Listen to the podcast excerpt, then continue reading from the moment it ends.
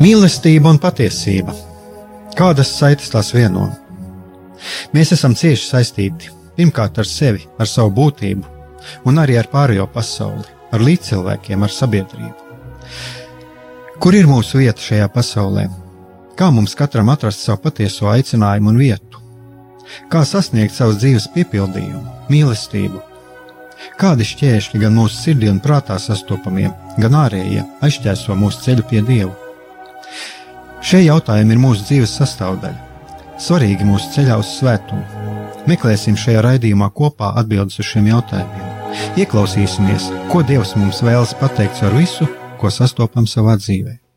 Lai mūsu sirds un prāti atveras mīlestībai un patiesībai, raidījums mīliet citu citu.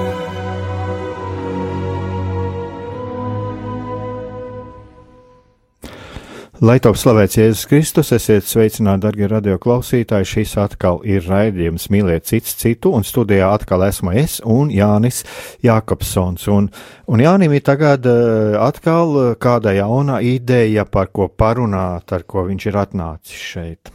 Sveicināti, darbie radioklausītāji! Šodien es vēlos uh, kopā ar Aikaru parunāt ar jums par uh, tādu tematu kā uh, rūpes par sevi.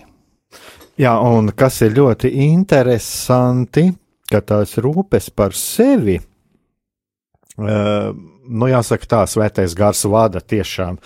Uh, tās rūpes par sevi man ir sanācis pēdējā laikā ar cilvēkiem runāt par šo lietu, uh, par tām grūtībām rūpēties par sevi, par pārprastu izpratni par to, kas ir labs cilvēkam. Un, un interesanti, ka mēs vakar runājām uh, ar evanģelizācijas šūniņā par pāvestu homīliju, kur pāvests homīlija par to, kā Dievs skumst, kad mēs no viņa, Dievs raud, kad mēs no viņa attālināmies, ja jūs klausījāties tagad pirms kāda laika tieši šodien. Uh, Pirms kādām pārdesmit minūtēm to runāja arī Vatikāna radio, un mēs arī kaut kā kopā nonācām arī pie kaut kādām līdzīgām atziņām, jo mēs tur saklausījām, um, saklausījām arī to, ka Dievs jau patiesībā skumst, ka mēs neprotam priecāties ka mēs noraidām tos priekus, tās iespējas, to labo, ko Dievs mums piedāvā. Un interesanti ir arī tas, ko es vēl braucot šurp, es vēl otro reizi noklausījos radio, ko pāvests runāja Un tur pāvis pieviesās tādai tēmai kā pašnāvībai. Un mēs vakar arī šo tēmu apskatījām un būtībā arī nonācām pie tāda secinājuma, ka pašnāvība jau uh, bieži vien mēs to nevaram tā skatīties tā tieši, kā nodarīt sev pāri. Mm, iznīcināt savu dzīvību, bet bieži vien mēs ikdienā reiz pa reizē mēs tādas nelielas pašnāvības eh, izdarām, tad, kad mēs atsakāmies no kaut kā, ko Dievs mums piedāvā labu, eh, noliedzam sevī kaut ko labo, bet ar to domu, ar to mierinājumu, ka mēs arī katrs varam piedzīvot augšām celšanos. Tā kā ja mums, mums ir iznācis paklupt arī šādā ziņā, atsakoties no tā prieka, es pat runāju par prieku, tad mums tomēr Dievs arī dod šies pie augšām celties. Bet, eh, nu, kā mums šodien tā saruna aizies, varbūt arī tālāk mēs tam pieskarsimies, bet tu esi kaut kādu piemēru atnesis, kas var, nu, Jā, vari, vari, vari tagad pastāstīt. Esmu sarakstījis tādu nelielu špikerīti. Mm, pirmais, tas, ko es vēlos pastāstīt, runājot par to, kas tad ir rūpes par sevi, Protams, rūpes par sevi ir tāds ļoti plašs jēdziens, un šeit noteikti mēs varam smelties šo gudrību gan svētajos rakstos, gan arī psiholoģijā, gan arī vispār vērojot par to, ko mūsdienu zinātne un, un dažāda veida terapijas piedāvā cilvēkam, lai, lai šīs rūpes par sevi varētu izpaust. Mm, pirmais moments, ko es vēlos um, pastāstīt, ir tāds um, ļoti varbūt kurjos uh, smieklīgs. Um, pirms kāda laika Ukrainā bija kāds, viņš joprojām ir uh, psihoterapeits, un kad viņš bija jauns un uzsāka savu ceļu psiholoģijā, un kad viņš mācījās par topošo speciālistu, lai viņš varētu strādāt. Tā kā viņš nāk no postpadomju teritorijas, viņš tur savācies ar jauniem psihologiem, topošajiem tādās treniņu grupās, kur tiek atstrādātas dažādas iekšējās kaut kādas problēmas, grūtības, uh, un kur psihologi tātad apmācās, lai viņi varētu kļūt par speciālistiem. Un viņš atnāca ar saviem draugiem uz šādu grupu, viņiem notiek apmācība, un tad viņiem grupas vadītājs saka šādus vārdus. Viņš saka, jums obligāti ir jāņem naudu no saviem klientiem par jūsu pakalpojumiem. Un tas uh, jaunais psihologs, viņš, viņš tiešām palika sašutis kā cilvēks, kurš nāk no padomju savienības. Viņš padomāja, Kā es varu ņemt naudu par to, ka es vienkārši ar cilvēku parunājos? Jā, labi, es viņam tur varbūt palīdzu, es uzklausu viņa bēdas, bet par to ņemt naudu un vēl arī nemazu naudu, nu nē, es, es, es tā nevaru. Un tad viņiem uh, vadītājs uh, pateica tādus vārdus, viņš saka, nu labi, tad jūs nākamreiz, tad, kad jums uh, klients maksās, lai jums nebūtu nērti, jūs pasakat viņam tā, es naudu negribu ņemt, man, man ir nērti, bet uh, jūs naudu man iedodiet, es viņu atdošu savam vadītājam, vadītājs paņems naudu. Un viņi pie sevis nodomāja, nē, es nevēlos dalīties ar savu naudu ar vadītāju, es nedalīšos. Un tas bija tas īstenībā tāds pārbaudījums no viņu uh, grupas vadītāja. Viņš viņus, kā saka, parāva uz zobe, ja, jo viņš viņiem parādīts ar šo piemēru to, ka, um, ja viņi atteiksies no tā, kas pieder viņiem, viņi būs nelaimīgi, un tā arī sanāca. Viņi uzskatīja, ka viņi nav cienīgi saņemt naudu par savu darbu, šajā gadījumā par psiholoģisko uh, pakalpojumu, konsultēšanu, uh, Bet tiklīdz viņas e, padomāja, ka viņa nopelnīto naudu viņiem būs jādod vadītājam, viņi palika dusmīgi, ka tas ir netaisnīgi. Un šis piemērs ļoti labi parāda to, ka mums ir jāmācās sevi novērtēt. Novērtēt visās nozīmēs, un tā izskaitā arī finansiālajā. Un es teikšu vēl vairāk, ka finansiālā joma viņi ir cieši saistīta ar mūsu pašvērtējumu. Uh, Es esmu diezgan pārliecināts, un to arī māca psihoterapijā ļoti daudz un psiholoģijā. Ja cilvēkam nav veselīgas attiecības ar viņa finansēm, tad viņam ir problēmas savā iekšējā pasaulē. Un šeit pat var vilkt paralēlis arī ar garīgo pasauli. Ja, ja man ir problēmas finansiālā jomā, viņas parāda ciešu sakaru ar to, kas man ir ar manu pašvērtējumu, kas notiek un līdz ar to arī kādas man ir attiecības ar Dievu. Ja es ātri tērēju naudu, ko tas par mani vēsta, ja, kādu dzīvesveidu es dzīvoju, ja es tiecos pēc bagātības vien, par ko tas liecina, ja, ja man naudas nav, es strādāju, strādāju un strādāju, bet man naudas nav, par ko tas liecina, jo šie momenti viņi ir arī cieši saistīti ar garīgo dzīvi. Ja es palaižu savā fina finansiālajā jomā, kaut ko, jā, tad iespējams es arī garīgajā dzīvē kaut ko palaižu, vai arī nesaņemu, vai arī neticu, ka es varu saņemt no Dieva daudz. Um, jo vispār, ja runāt par finansēm, es uh, nesen noskatījos kādu arī video, un, uh, un uh, tur bija ļoti interesanta doma, ko teica kāds uh, psihologs. Viņš teica, ka uh, dzīvot bagāti, tas ir vesela mm, filozofija.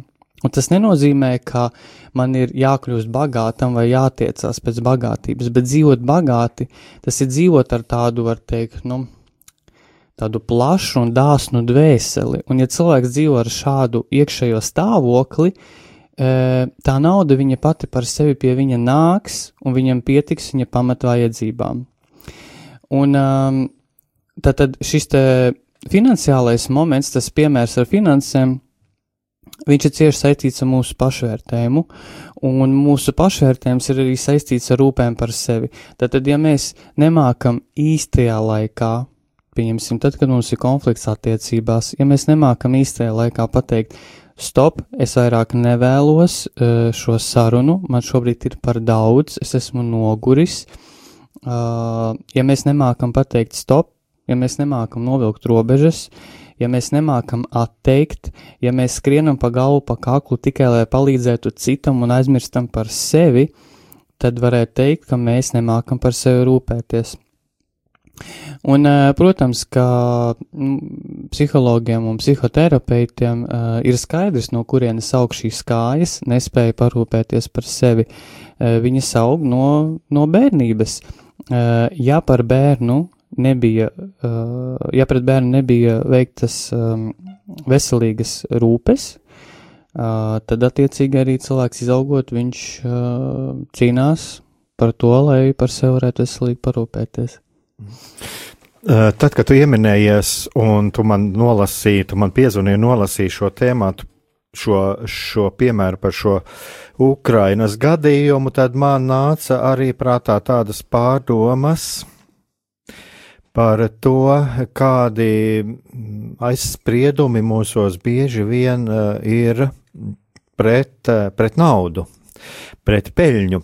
Un uh, tur, es domāju, tas būtu tāds arī pētījums cienīgi, cik tur daudz ir uh, pārdomju laika, mm, radītie, ies, radītie aizspriedumi, kādas sekas, kur tās kapitālisms bija parādīts kaut, kaut kas absolūti slikts, un cik tur ir arī varbūt mūsu pašu kristiešu vaina un uh, tāda sagrozīta, sagrodi, sagrozīts skatījums uz to, ko māca kristietība.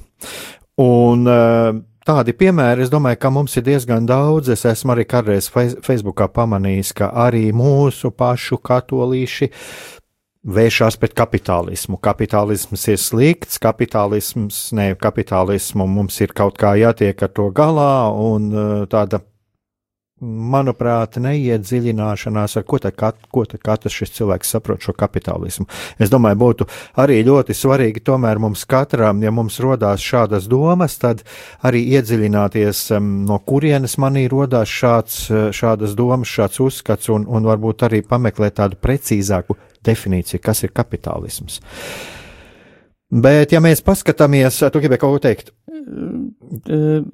Varbūt pabeidz savu domu. Tad... Jā, bet man ir arī, teiksim, pat es teiktu tā, mums ir m, mm, vajadzētu arī paskatīties reiz par iemest iemest stācija baznīcas sociālajā mācībā, ko baznīcas sociālā mācība par to runā, un man liekas, es esmu šeit arī radio pieminējis, es gan tagad neatradu, mēģināju atrast, bet es atceros, ka arī pāvests Francisks savā laikā runāja par to, ka vecākiem ir arī jāiemāca bērniem uzņēmēju darbību, un to runāja pāvests Francisks, ja kuram bieži sevišķi viņa tā pontifikāta sākumā pārmeta un nepamatoti viņu tur devēja par, par kreisu un un, un, un tā tālāk. Ja.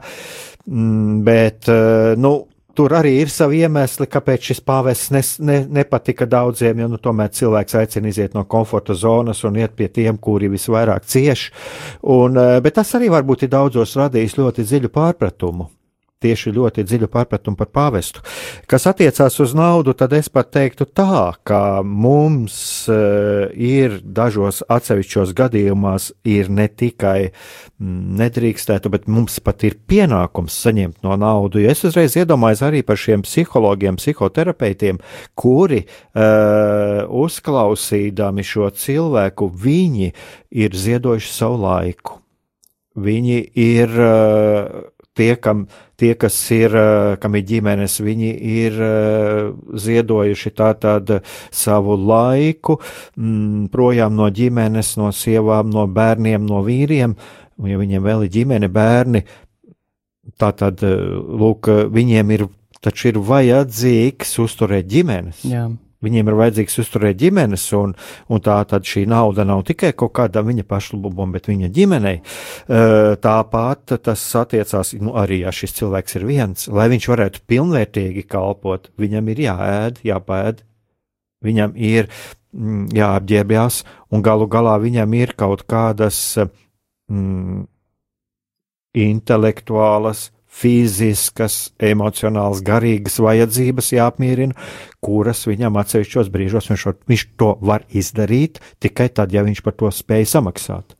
Tā kā es domāju, ka šeit arī ir jāapskatās, jāapskatās no tāda skatu punkta, ka ir atsevišķi brīži, protams, ir svarīgi izvērtēt, un kādreiz tiešām cilvēks, kā tu runāji par šo cilvēku, kas ir pie baznīcas, jā, vai, teiksim, kāda ģimenes māte, kur ir zaudējusi, kur ģimene palikusi bez, bez darba, ja mums ir pienākums kādreiz palīdzēt arī šādā veidā un neprasīt šo naudu, bet lielākoties gadījumu mums nāk, lai mēs varētu normāli, fiziski eksistēt, mums ir pat pienākums šo naudu paņemt. Un šeit, šeit es runāju par pienākumu. Un es varbūt noslēgumā gribētu minēt vienu tādu gadījumu manā paša, paša dzīvē, runājot ar cilvēku, kurš bija ļoti lielās sociālās grūtībās. Un te, es domāju, bija ienākusi arī iekšā tā es teikšu, pat tāda nelaime, kas mums bieži vien nāk šī labklājības teoloģija, es iedošu tik dievam, dievs os man pretī, tāda tirgošanās ar dievu, kas diemžēl ir ienākusi arī daž, dažu katoļu vidē šī izpratne, bet gadījums tāds cilvēks saka, acīm redzot, es nemaksāju desmito tiesu, un tāpēc man neveicās, tāpēc man ir grūtības samaksāt īri un tā tālāk. Un tajā brīdī es reti, kad to daru, bet tajā brīdī es pateicu, tev pienākums ir nemaksāt šo desmito tiesu. Tas ir nu par katoļu baznīcu. Bija. Jā. Tev pat ir pienākums to nemaksāt, jo tev vispirms ir jānodrošina sevi, jāpēd, jānostājas uz kājām, un tad, tad tu vari maksāt, un maksāt arī šo desmito tiesu, ja to ir atļauties. Jā. Tā kā es aicinātu, varbūt arī paskatīties tomēr, ka Dievs eh, nevēlas, lai mēs sevi nokautu, nodzītu līdz pēdējām un lai mēs dzīvotu pusbadā. Nē, Dievs vēlās, lai mēs būtu justos labi. Noteikti.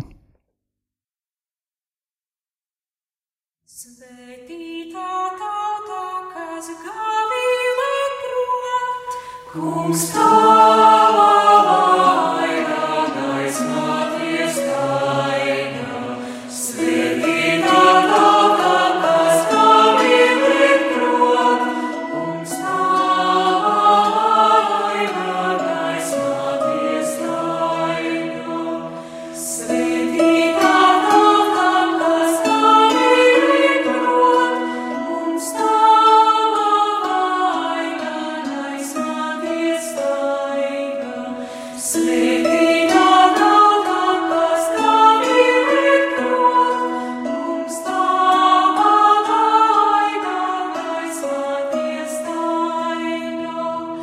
Dārgie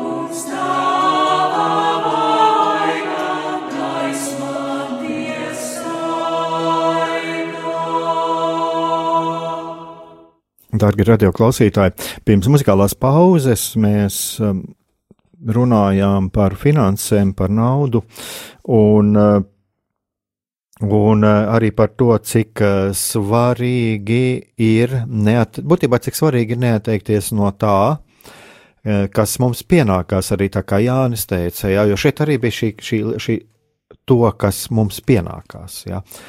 Un tev bija kaut kas sakāms tagad? Vai es varu, bet pat varbūt tā var pateikt, kas ir. Droši turpināt. Tāpēc, kā man ir vēl es um, mazliet gribēju uh, svētajos rakstos, kas par to ir minēts. Ja mēs, piemēram, paskatāmies uh, Lūkas evanģēlijā, kur Jēzus sūti, sūta savus mācekļus sludināt, tad viņš runā arī to, par to, ka viņš runā par būtībā par to, ka mums ir jābūt neatkarīgiem, Un, uh, tāpēc viņš arī runā par šo neņemiet līdzi ne daudz smaku, ne ceļasomu, ne kurpes un ceļā nesveiciniet nevienu. Bet tā pašā laikā viņš runā par to, ka uh, palieciet, tanī pašā namā palieciet un ēdiet un dzeriet to, kas tiem pienāks, jo strādnieks ir savas algas cienīgs. Strādnieks ir savas algas cienīgs.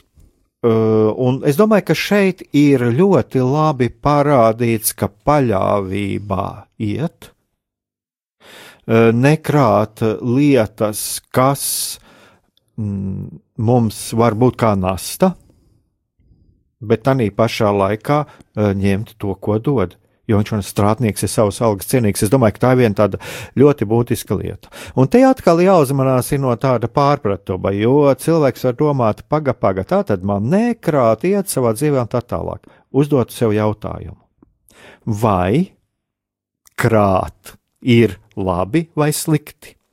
Un es domāju, te mums atkal ir jāpaskatās mazliet senākā pagātnē. Tas ir pirmā mūzes grāmata un faraona sapnis faraona sapnis un Jāzeps, kur farao, faraons sapņo par šīm vārpām un govīm, un, un kā, kā, kā tas tiek iztulkots, kā Jāzeps iztulko. To iztulko, ka nāks lūk šie septiņi bada neražas gadi, jā. jā, un ka tas ir tā, kā Dievs caur šo sapni aicina uzkrāt, uzkrāt tiem nākamajiem bada gadiem, lai, lai lai cilvēki nedzīvotu, nepiedzīvotu tās lielās bada šausmas, kas sevišķi jau tajā laikā, un mēs atceramies, agrākajos gadsimtos bija. Ja? Tā tad atkal te ir, te ir arī ļoti būtiski izvērtēt un neiekrist galējībās. E, nē, e, nav tā, ka mēs nedrīkstam krāt. Nu, galu galā ir dažādi sociālie fondi, uh, pensiju uzkrājumi un tā tālāk. Tas pats par sevi ir labs. Tas ir tas, uz ko arī mēs redzam, svētajos rakstos Dievs mūs aicina. Un tāpat kā Dievs mūs aicina saņemt algu. Bet uh, te ir jāpaskatās, ir uh, mazliet, es domāju, arī dziļāk, kur tad ir šī problēma. Tā problēma ir tā, ka mums manta kļūst par noteicošo.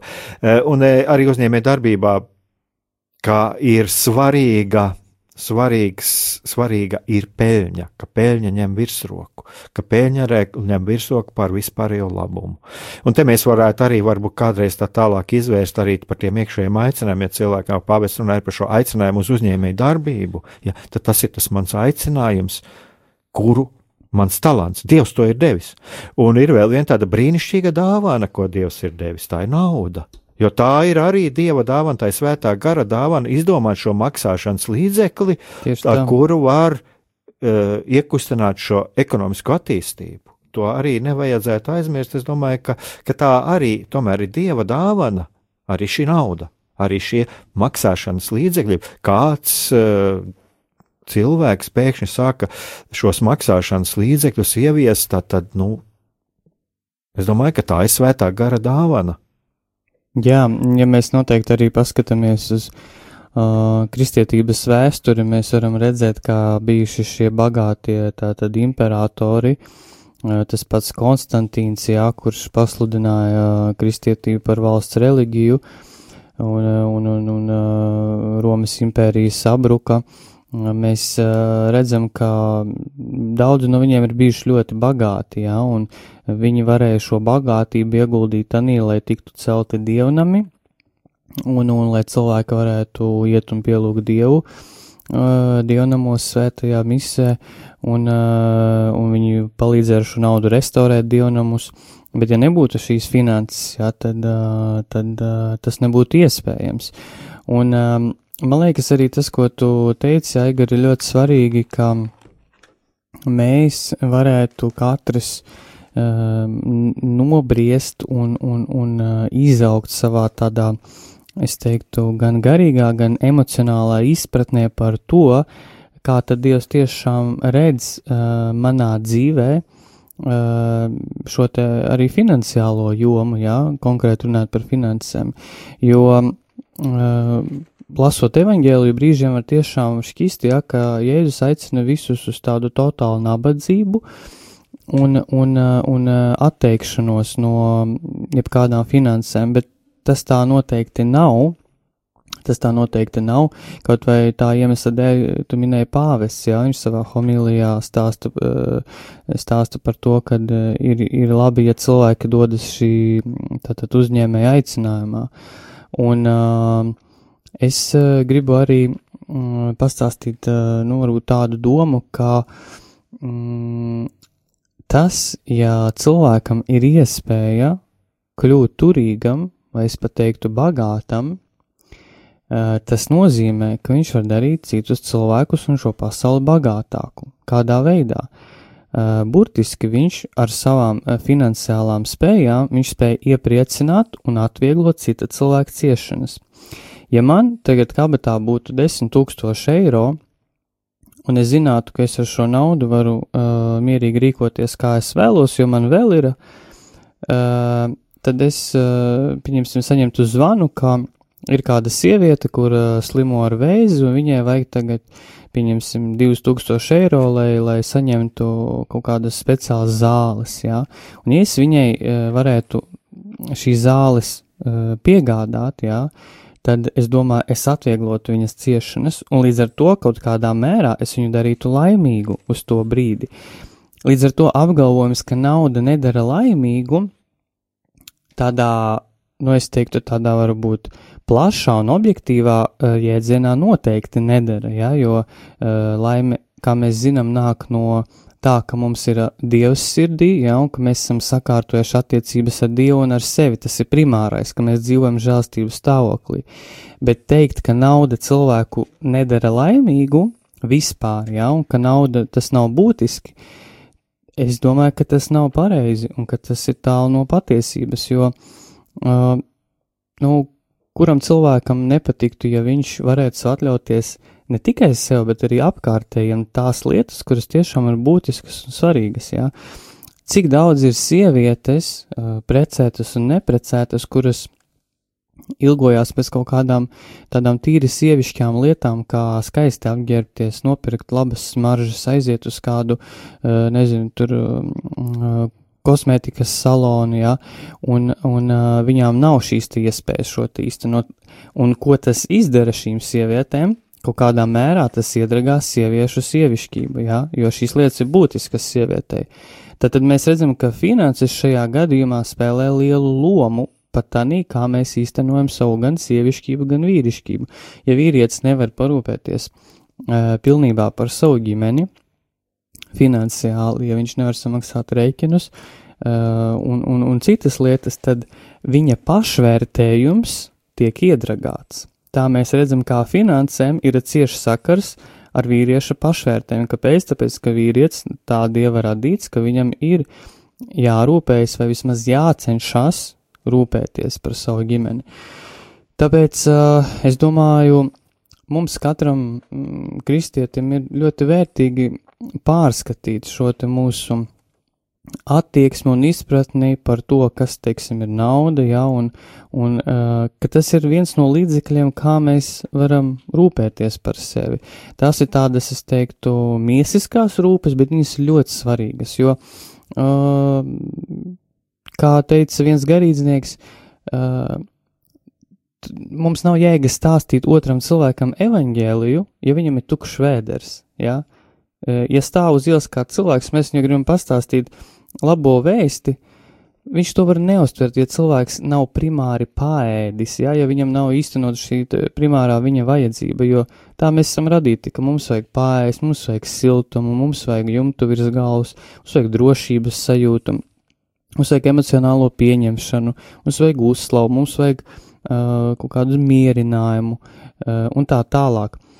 Un vēl viens moments, ko es arī gribu ļoti minēt, svarīgs, runājot par konkrēti par finansēm, kā vienu no veidiem, kā mēs varam rūpēties par sevi, tātad um, tā, kur te bija mans pieraksts, pašvērtējums, jā, tātad kāpēc dažreiz, ja es teiktu, bieži mēdz būt tā, ka mēs uh, kā kristieši redzam finanses kā kaut ko netīru un ļaunu.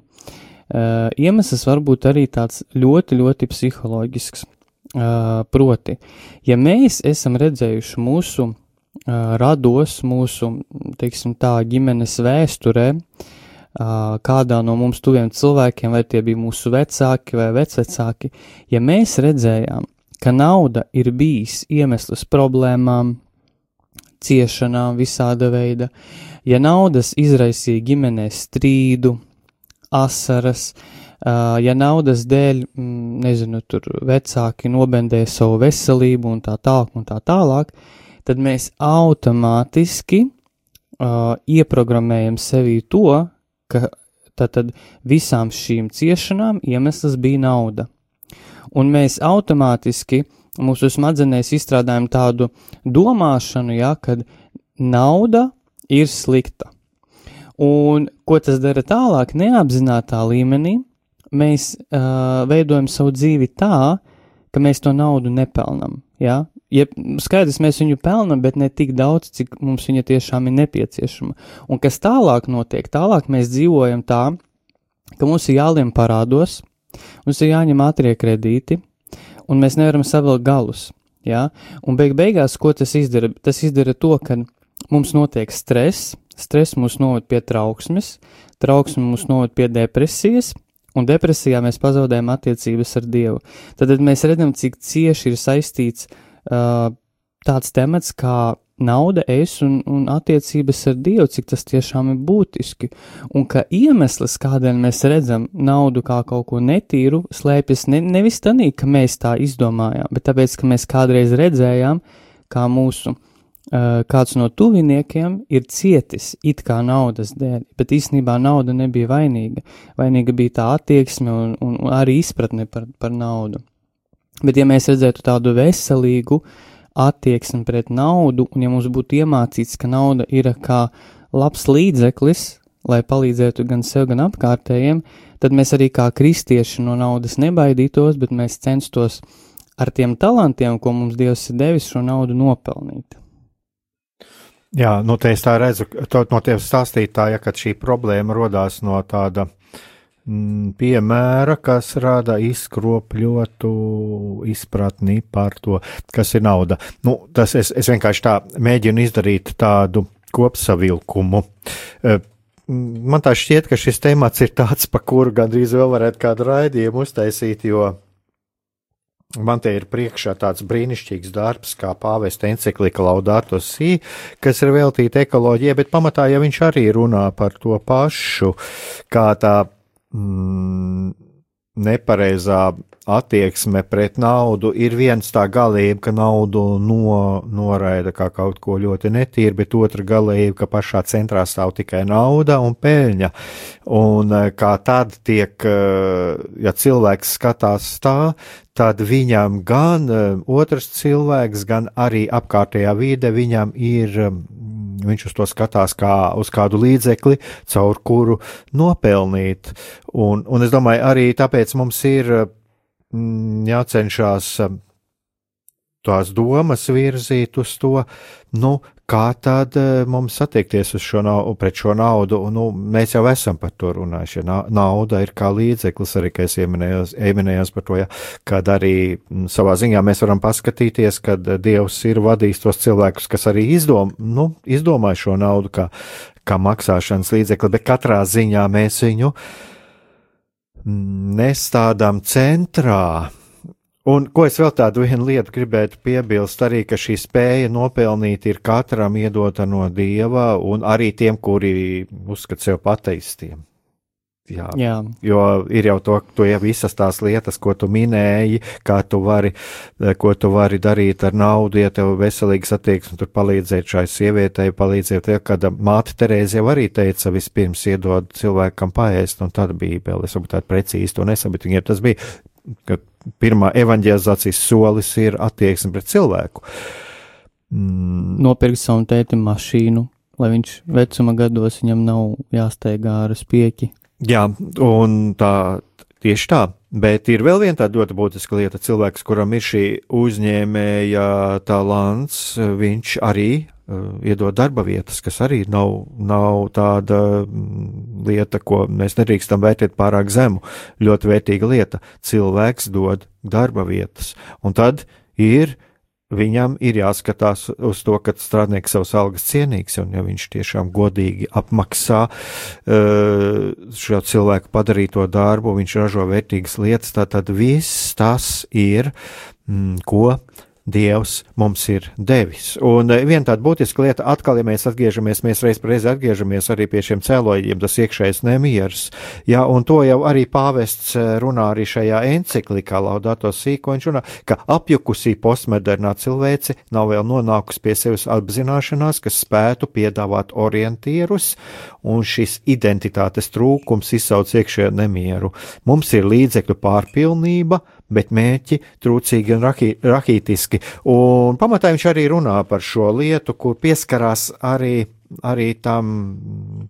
Tā, tā, kad centrā ir šī dzīšanās pēc peļņas, un tas ir dēļ šī iekšējā nemiera, un ja cilvēks kaut kur uh, neatrod no kā viņam ir šis iekšējais nemieris, nu tāda ir šīs problēmas, no kurām viņam ir grūti tikt ārā. Bet te gan arī šajā pašā enciklikā Francisks to darīja tādu ļoti, ļoti labu mierinājumu vārdus, ka katram cilvēkam pat kurš ir iegājis šajās uh, neveselīgajās attiecībās, ka viņam ir iespēja no tā iziet.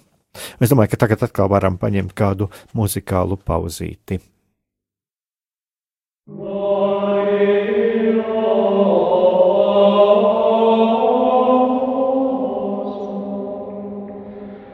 Give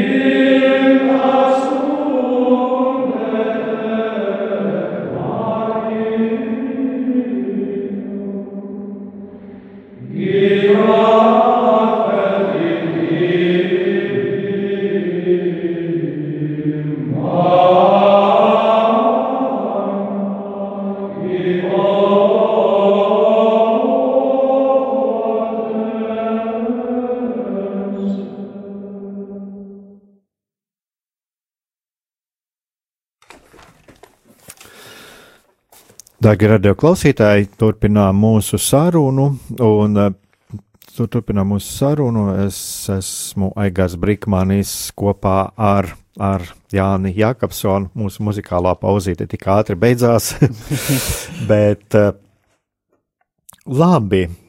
Tā tad mēs runājam par to, ka nauda ir tāds uh, brīnišķīgs līdzeklis, eh, ar kuras palīdzību mēs eh, varam darīt daudz, daudz laba.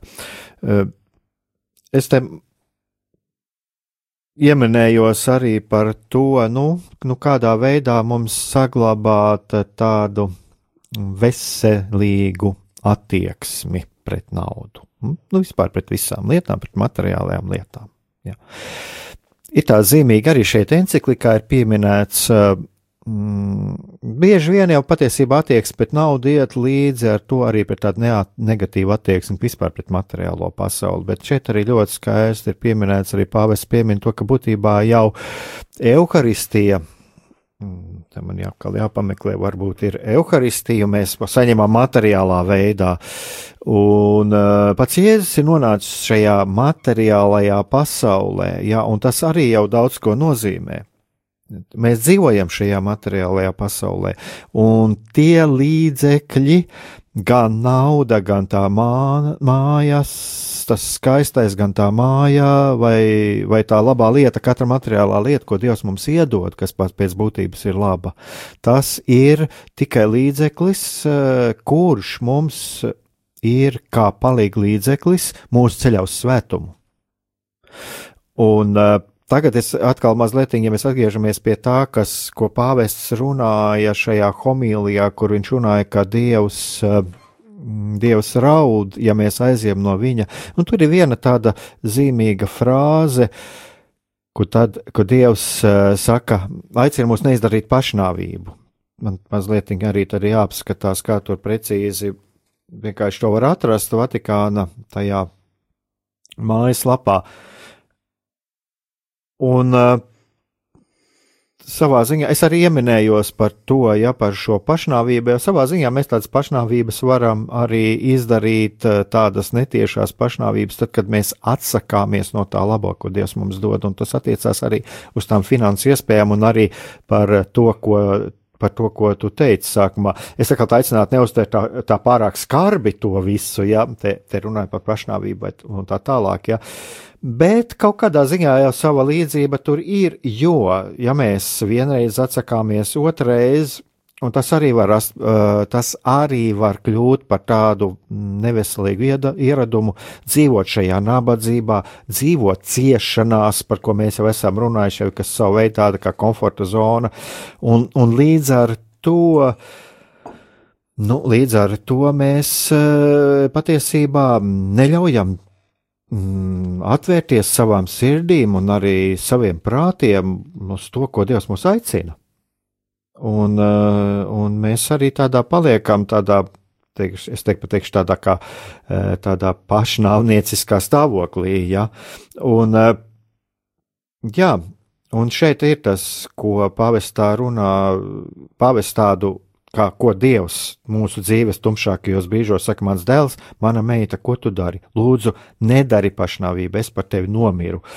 Tā liekas, skan tā, skan tā ļoti skarbi, bet, bet re, reiz reizē man ir tā sajūta, ka mēs varam izdarīt tādas mazas, mazas pašnāvībiņas, jā, un kas trū, kļūst mums par ieradumu, un galu galā tas arī var būt no, tā, no tiem iemesliem, no tiem iemesliem, kas mūs noved tālāk pie tās depresijas, jo mēs neīstenojam kaut ko, uz ko Dievs mūs aicina. Jā, es tev noteikti piekrītu, un uh, ja mēs atkal skatāmies uh, uz diviem lielākajiem, es teiktu, galvenajiem tematiem, uh, kādēļ cilvēks iet pie psihologa vai psihoterapeita, kādēļ viņš nāk ar kādu stresu, iekšā pārdzīvojumu, to pašu depresiju. Tie ir divi tādi dzīves, es teiktu, no svarīgākie gabali, momenti. Tas ir tātad privātā dzīve, jā, un profesionālā sfēra. Ja ir problēmas profesionālajā sfērā, tātad uh, problēmas sevis realizācijā, savas profes, profesijas atrašanā, um, tanī, ka man nav darbam, ka man nav pietiekoši daudz finanšu, jeb ka es nespēju izturēt to, ka um, es nevaru nopelnīt tik, cik es gribu, jeb tas, ka es esmu darba holiķis. Tātad, ja ir jebkāda problēma šajā profesionālajā sfērā vai arī privātajā dzīvē, attiecībās ar otru cilvēku, vai arī tādā, ka es nevaru būt vientuļš, jā, es nemāku būt pats, pats ar sevi vienatnē, tad rodas problēmas. Un, un šī naudas lieta, viņi ir ļoti, ļoti saistīta, kā mēs jau šodien sapratām, ar, ar visu, ar, arī ar mūsu garīgo dzīvi. Un, Es vēlējos arī, varbūt tā pamazām mēs jau tojamies uz beigām, neatstāt mūs tikai ar varbūt tādu saprašanu, jā, par šo te naudas momentu, jo saprast ir viens, bet otrs svarīgi rīkoties un, un kaut ko mainīt mūsu dzīvē. Un tad, tad varbūt veidi, kā, kā, kā es jums varētu ieteikt strādāt ar šo jautājumu. Pirmais ir, protams, tas, kad es varu uzdot jautājumu, kāpēc manā dzīvē nav šīs naudas, ja? un uh, pavadīt kādu laiku klusumā ar sevi, piesaucot Dievu, uh, un, un, un saprast, ja šīs likumsakarības, varbūt padomāt, uh, atcerēties, kā pret naudu attiecās mani vecāki vai, vai vecvecāki, ko es esmu dzirdējis, kādus stāstus par naudu, ja, kas man tika iemācīts, un tad uh, ieraudzīt, kā šī naudas pedagoģija, ko man ir nodevuši, jo tā arī ir pedagoģija, tāda audzinā, audzināšanas mācība, kā viņi ir ietekmējusi manu attieksmi pret naudu. Tas ir tāds pirmais solis, saprast, no kurienes tas nāk, un otrs ir padomāt, kādus talantus Dievs man ir ielicis, uh, ko es varētu īstenot un uh, pateicoties kuriem es varētu pelnīt šo naudu. Uh, varbūt es varu attīstīt kādu savu, nezinu, nu, es neteiktu uzņēmumu, bet kaut kādu savu nu, kā mini uzņēmumu. Tagad daudzi cilvēki pārdod visādas skaistas roku darinātas lietiņas, tur tās pašas ziepes, tur kaut kādas rotas lietas paši taisa. Ideja ir ļoti daudz, jā, un es varu paskatīties uz sevi, kas tad ir tas, ko Dievs man ir ielicis, vai pat es teiktu tā, paskatīties, kādas ir manas ikdienišķās intereses, uh, kas ir tas, ko es internetā visu laiku skatos vai vēroju, teiksim, man personīgi, izņemot psiholoģiju, nu, psiholoģija tā ir tāda mana mīlestība un aicinājums, bet man pieņemsim ļoti patīk zināt par smaržām. Jā, man patīk smaržas kā tādas, un es, es ļoti daudz klausos par smaržām un izprast, jā, tad, tad smaržu sastāvu, kā viņas tiek veidotas, kādā gada laikā kādas smaržas ir jālieto, un, un, un tas tāds piemērs, jā, un tad attiecīgi, ja man būtu lielāka interese, es varētu domāt par to, teiksim, varbūt iespējams es varu kaut kādā veidā smaržas izplatīt, jā, vai, vai, vai reklamēt, nu, kaut kā tā, vismaz savam kā hobijam. Un līdz ar to katrs paskatoties uz to, kas ir man ikdienišķā interese, kas ir tas, mm, tā šķautne, kur es ielieku savu enerģiju, kas ir tas, par ko es visvairāk interesējos, tas varētu būt kā no pavadieniem, kurus arī varbūt varētu pelnīt. Nu tā, jā. Jā, man mazliet tā doma bija tāda, mm, bet tu it kā Mm, jau pateici kaut ko no tā, ko es arī gribēju teikt. Es domāju, ka šeit ir arī ļoti, vērt, jā, ļoti svētīgi tas, ko tu teici. To mēs varētu arī pielīdzināt tādai izvērtēji, atrast, at, atrast to. Jā, man liekas, viena doma ienāca prātā. Es, es pēkšņi gribēju pabeigt to mm -hmm. par, par tiem peļņas avotiem, varbūt mm, pa, pa, pa, paveikšu pavisam īsi. Uh, jā, un es iedomājos arī par to, ka um, daudziem no mums ticīgiem cilvēkiem es esmu pamanījis, um, draudzēs esot, um, runāt ar cilvēkiem, iepazīstoties, ka daudziem no mums Dievs ir devis uh, tādu, es teiktu, mākslinieka dāvanu. Spēju kaut ko sazīmēt, kaut ko savā prātā radīt, kaut kādus tēlus, attēlus, ja, un kāpēc gan, ja, ja man šāda dāvana ir, kāpēc gan neiztenot to, teiksim, baznīcas labā, ja, varbūt es varu izdomāt kādus um, tās pašas kaut kādas um, interesantas svētbildes, uh, skices vai, vai kaut kādām lūkšanu grāmatiņām vākus, uh, vai arī kaut kādu no, no rokām taisīt kaut kādas figūriņas svēto un pēc tam to uh, nogādāt baznīcā, jā, nu, tādā veidā. Jā.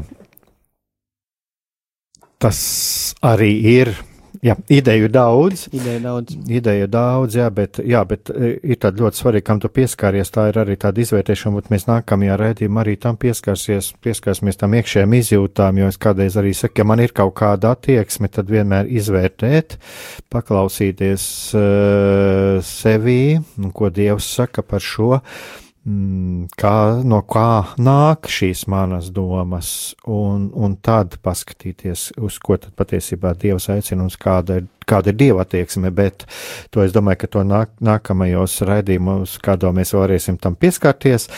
Bet, eh, nu, rodās arī tāds jautājums, varbūt cilvēkiem var rasties jautājums, nu, kur, kur visu to meklēt, arī par ko mēs runājam, un, jā, nu, varētu par to ļoti daudz runāt, man te ir papīri priekšā. Uh, bet eh, tas eh, nu, raidījumam ir tik, cik nu, tas laiks ir iedots, tik ir.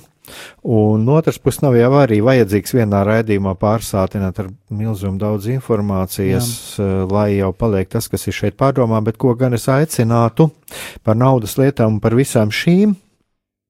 Es domāju, ka ir pietiekami daudz materiālu mūsu pašu katoļu baznīcas materiālu, gan to, ko runā pāvests, Un uh, to, ko māca baznīca, un es domāju, var arī, var arī meklēt to pašu katoļu baznīcas sociālajā, māc, sociālajā mācībā. Tagad ir iznācis arī šis katoļu baznīcas sociālās mācības kompendijs.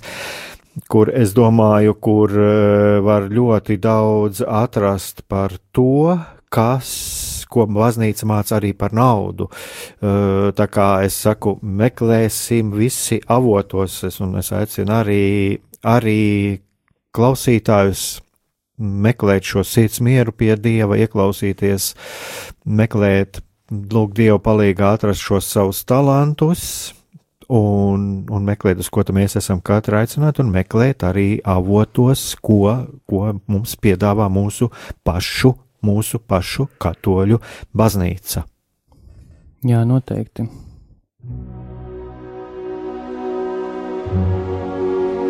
Mīlestība un patiesība.